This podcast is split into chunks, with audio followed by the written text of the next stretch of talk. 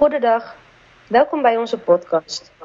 Onze podcast is gemaakt door vier studenten van de Hogeschool van Amsterdam en gaat over het maatschappelijke vraagstuk hoe gaan mensen om met terroristische aanslagen onder het mom van de islam. Ik ben Edda en deze podcast heb ik opgenomen met Yara, Tana en Senna. De podcast bestaat uit vier afleveringen. In iedere aflevering gaan wij in gesprek met twee gasten. In de eerste aflevering hebben wij het over de deelvraag aansprakelijk voelen over voor de terroristische aanslagen die worden gepleegd onder het mom van de islam. Deze deelvraag heb ik behandeld met twee vriendinnen. Ik ben Yara en ik ben in aflevering 2 van onze podcast te horen. Ik ga in deze aflevering in gesprek samen met mijn moeder en vader over in hoeverre hun veiligheidsbeleving is aangetast na de terroristische aanslagen die zijn gepleegd.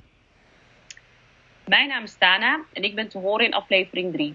Ik ga in deze aflevering in gesprek met twee nichten van mij over de maatregelen, maatregelen die genomen zijn na de gebeurtenis in Frankrijk. Ik ben Senna en ik ben te horen in aflevering 4.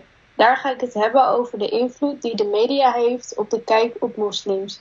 Hierbij ga ik in gesprek met twee vriendinnen. Veel luisterplezier!